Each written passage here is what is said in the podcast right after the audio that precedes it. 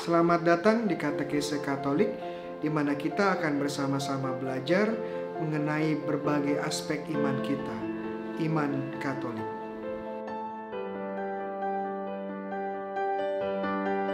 Shalom, teman-teman terkasih dalam Kristus. Saya Romo Bayu Ope. Selamat datang kembali di program Katekese Katolik yang dibawakan oleh Aquinas Center for Theology and Spirituality dan juga Faithline. Pada seri katekese kali ini kita akan bersama-sama belajar tentang kisah sengsara, wafat dan kebangkitan serta kenaikan Tuhan Yesus ke surga terutama berdasarkan Injil Matius. Setelah episode yang lalu kita bersama-sama membahas penyaliban Yesus, sekarang kita akan menjawab pertanyaan yang sering membingungkan pembaca Injil. Sebelum Yesus wafat, dia berseru dengan suara nyaring. Eli, Eli, lama sabaktani. Artinya, Allahku, Allahku, mengapa engkau meninggalkan aku? Ini berdasarkan Matius bab 27 ayat 45. Seruan Yesus ini acap kali membingungkan banyak dari kita. Apakah benar Allah Bapa meninggalkan Yesus di salib? Dan bagaimana mungkin Yesus yang telah setia kepada kehendak Bapa sekarang ditinggalkan oleh Bapa dalam saat-saat genting ini? Apakah perpisahan antara Allah Bapa dan juga Allah Putra sungguh bisa terjadi? Tentunya, tentunya pertanyaan ini benar adanya. Tetapi jika kita menempatkan diri kita sebagai orang Yahudi yang hidup pada zaman Yesus dan mengenal kitab suci, kita akan mengetahui bahwa Yesus sebenarnya sedang berdoa dan doa yang dia daraskan adalah Mazmur 22. Nah, mari kita lihat dan pelajari beberapa penggalan dari Mazmur 22 ini yang sebenarnya cukup panjang. Allahku, Allahku, mengapa engkau meninggalkan aku? Aku berseru tetapi engkau tetap jauh, tidak menolong aku. Allahku, aku berseru-seru pada waktu siang, tetapi engkau tidak menjawab dan pada waktu malam, tetapi tidak juga aku tenang. Ini penggalan dari Mazmur 22 ayat 1 sampai 2. Bagian awal ini menceritakan bahwa sang pemazmur memanggil pertolongan Tuhan, tetapi seolah-olah tidak didengarkan oleh Tuhan. Kemudian kenapa sang pemazmur memanggil Tuhan? Tetapi aku ulat dan bukan orang. Celah bagi manusia dihina oleh orang banyak. Semua yang melihat mengolok-ngolok aku. Mereka mencibirkan bibirnya, menggelengkan kepalanya. Ia menyerah kepada Tuhan. Biarlah dia yang meluputkannya. Biarlah dia yang melepaskannya. Bukankah dia berkenan kepadanya? Seperti air aku tercurah dan segala tulangku terlepas dari sendiku. Hatiku menjadi seperti lilin hancur luluh di dalam dadaku. Kekuatanku kering seperti beling, lidahku melekat pada langit-langit mulutku, dan dalam debu maut kuletakkan aku. Sebab anjing-anjing mengurumuni aku, gerombolan penjahat mengepung aku. Mereka menusuk tangan dan kakiku, segala tulangku dapat kuhitung. Mereka menonton, mereka memandangi aku. Mereka membagi-bagikan pakaian di antara mereka, dan mereka membuang undi atas jubahku. Ini beberapa penggalan dari Mazmur 22 dari ayat 6 sampai 18. Bagian ini memberikan penjelasan kenapa sang pemazmur memanggil Tuhan. Karena dia mengalami penderitaan yang sangat berat. Hal yang sangat menarik pada bagian ini adalah penderitaan yang digambarkan oleh sang pemazmur ternyata terjadi pada Yesus di salib. Yesus dicemooh, Yesus dikelilingi penjahat. Kaki dan tangan Yesus dipaku dan pakaiannya diambil dari Yesus dan diundi. Tetapi Mazmur 22 tidak hanya berakhir di sini. Mari kita lanjutkan bagian akhir dari Mazmur 22 ini. Engkau telah menjawab aku. Aku akan memasyurkan namamu kepada saudara-saudaraku dan memuji-muji engkau di tengah-tengah jemaah. Kamu yang takut akan Tuhan, pujilah dia. Hai segenap anak cucu Yakub. Muliakanlah dia dan gentarlah terhadap dia, hai segenap anak cucu Israel. Dari Mazmur 22 ayat 21 sampai 23. Bagian akhir Mazmur ini menyatakan bahwa Tuhan akhirnya menyelamatkan sang pemazmur dan dia mengajak semua orang yang takut kepada Tuhan memuji bersama-samanya. Jadi Mazmur 22 ini memang dimulai dengan nada keluhan dan bahkan frustrasi karena seolah-olah Tuhan diam saat sang pemazmur menderita. Tetapi akhir Mazmur 22 ini adalah Mazmur pujian dan syukur atas Tuhan yang telah menjawab dan membebaskan sang pemazmur dari penderitaan. Saat Yesus mengucapkan Mazmur 22 ini, Yesus sebenarnya tidak mengeluh atau merasakan Allah Bapa meninggalkannya, tetapi menunjukkan sebuah harapan bahwa Allah akan membebaskan dari penderitaan dan bahkan kematian. Namun ada hal yang lain yang juga tidak boleh kita lewatkan dari Mazmur 22 ini. Secara khusus bagian paling akhir dari Mazmur ini. Segala ujung bumi akan mengingatnya dan berbalik kepada Tuhan, dan segala kaum dari bangsa-bangsa akan sujud menyembah hadapannya. Sebab Tuhanlah empunya kerajaan, dialah yang membebaskan atas bangsa-bangsa. Mazmur 22 ayat 27 sampai 28. Bagian pemungkas ini menggambarkan apa yang terjadi setelah Allah membebaskan sang pemazmur bahwa segala bangsa, tidak hanya bangsa Israel, akan datang menyembah Allah. Inilah maksud dari perkataan Yesus, Eli, Eli lama sabaktani. Ini bukanlah sebuah terikan keluhan atau pekik keputusasaan, tetapi bahkan sebaliknya. Ini adalah sebuah ungkapan harapan dan bahkan syukur karena Allah akan sungguh datang menyelamatkan dan melalui Yesus yang disalib, bangsa-bangsa akan menyembuh, menyembah Allah yang benar. Hal ini sejalan dengan apa yang dikatakan katekismus gereja katolik yang menyatakan bahwa Yesus tidak pernah berpisah dari Bapaknya, tetapi dia mewakili umat manusia yang terpisah karena dosa dan disatukan kembali kepada Bapa. Mari kita simak Katekismus Gereja Katolik nomor 603.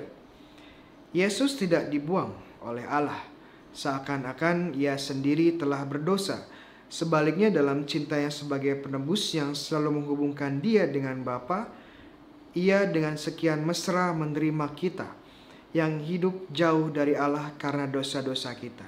Sehingga di kayu salib ia dapat mengatakan atas nama kita, Eloi, Eloi lama sabachthani, yang berarti Allahku, Allahku, mengapa engkau meninggalkan aku?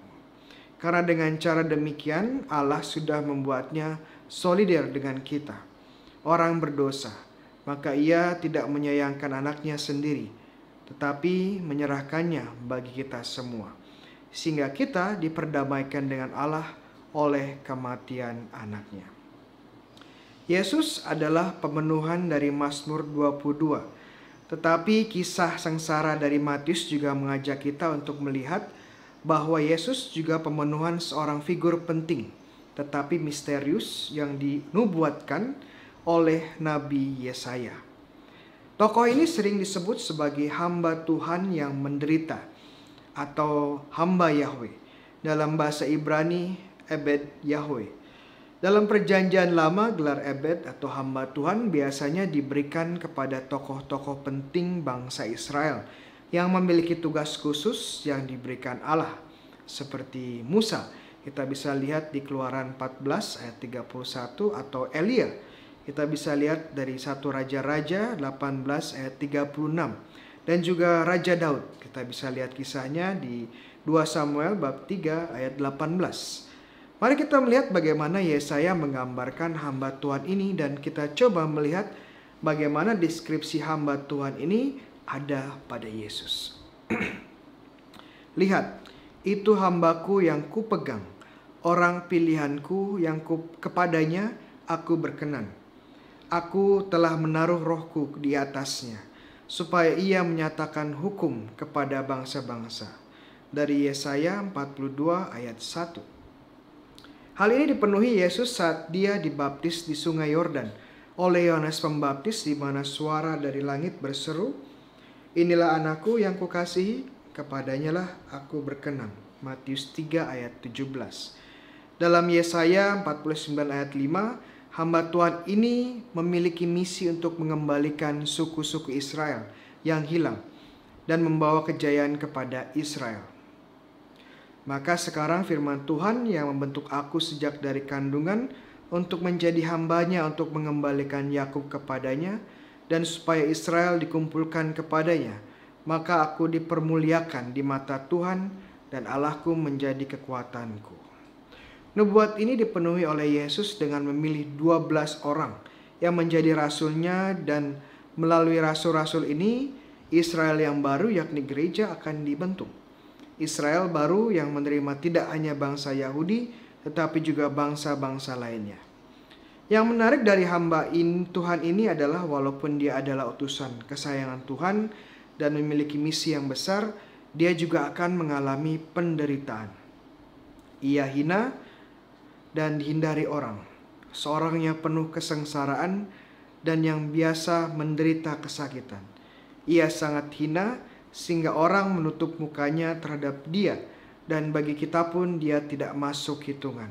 Dari Yesaya 53 ayat 3. Kemudian dalam ayat 7 dia dianiaya, tetapi dia membiarkan diri ditindas dan tidak membuka mulutnya seperti anak domba yang dibawa ke pembantaian.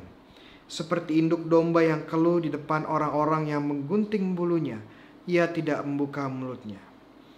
Deskripsi hamba Tuhan yang menderita seperti domba menuju tempat pembantaian tanpa perlawanan ini sesuai dengan apa yang dialami oleh Yesus di kisah sengsaranya secara khusus di Injil Matius.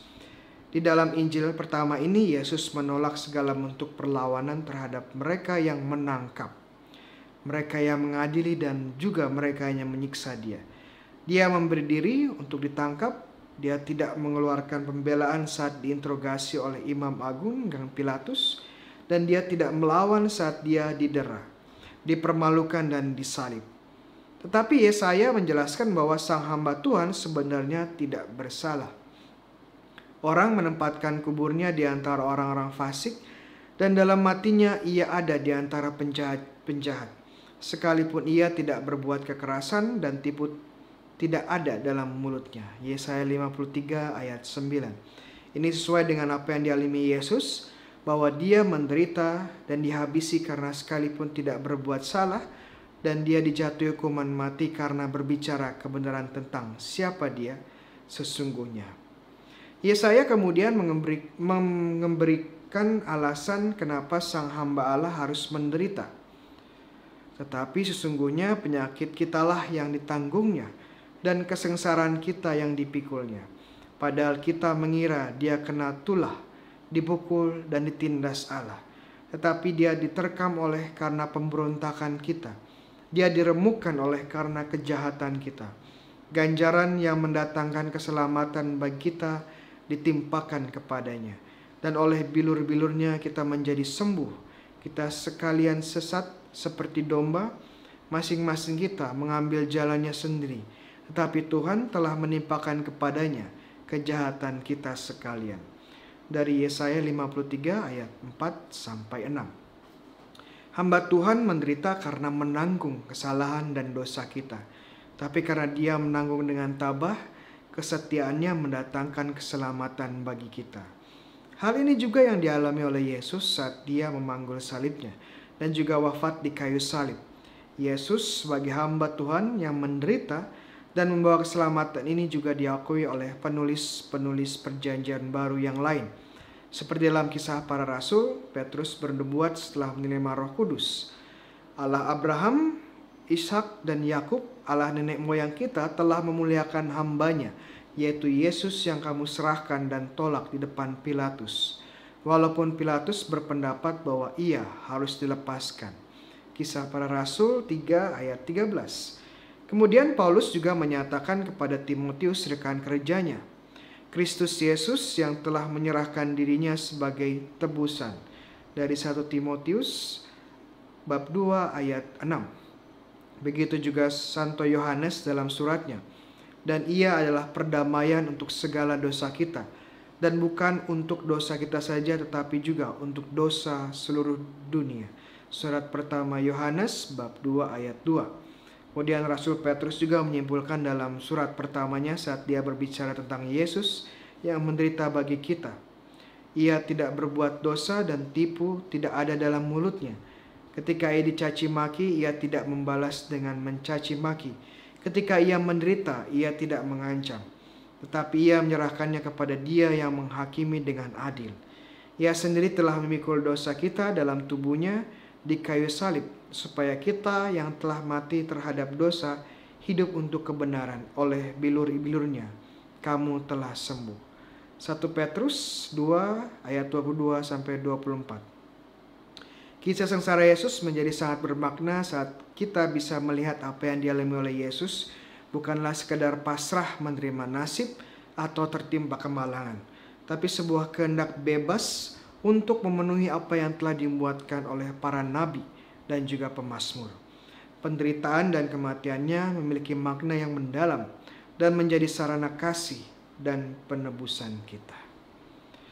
Demikian kata katekise Katolik kita untuk kisah sengsara Yesus untuk episode kali ini.